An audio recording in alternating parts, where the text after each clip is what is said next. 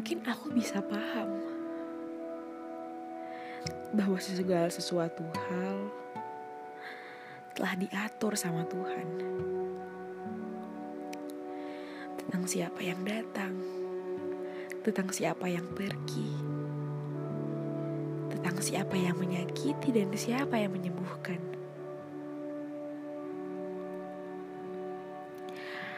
Aku pikir orang akan pergi di saat tugas mereka sudah selesai. Tapi aku salah. Di kehidupanku, dia pergi tanpa menyelesaikan perannya. Dia pergi, tapi perannya masih kubutuhkan. Yang membuatku sedih.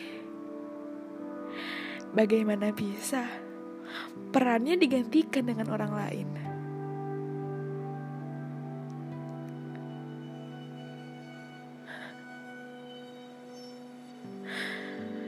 Jelas dulu aku berpikir bahwa tidak ada yang bisa menggantikan perannya. Peran itu hanya milik dia. Gak ada lagi yang lain. Semuanya gak bisa sama kayak dia.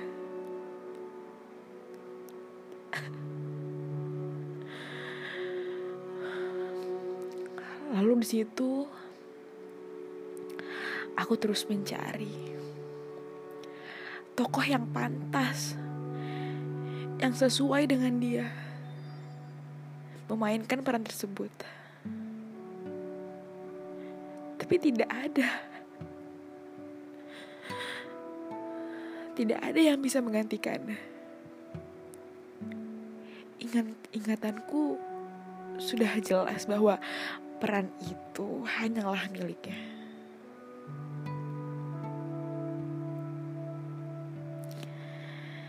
Aku terus mencari sampai aku lupa bahwa dia sudah menghilang. Sampai lupa bahwa aku telah melupakannya bersama peran-perannya.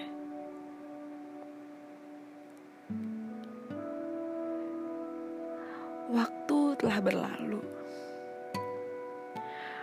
aku mulai terbiasa dengan kepergiannya. Dan di saat dia datang lagi, mengajakku berbicara.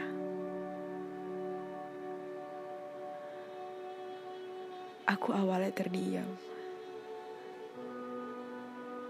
Apakah dia datang lagi untuk memainkan perannya lagi, atau untuk menggantikan perannya dalam otakku, untuk bilang bahwa peranku tidak itu lagi.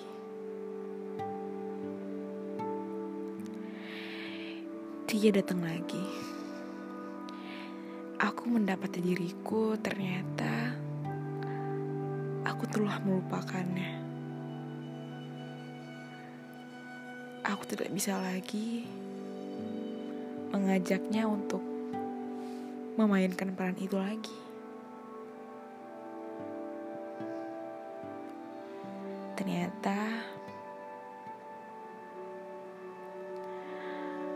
aku sudah berhasil melupakan itu. Lalu aku bersedih lagi. Bagaimana bisa waktu menggantikan semuanya?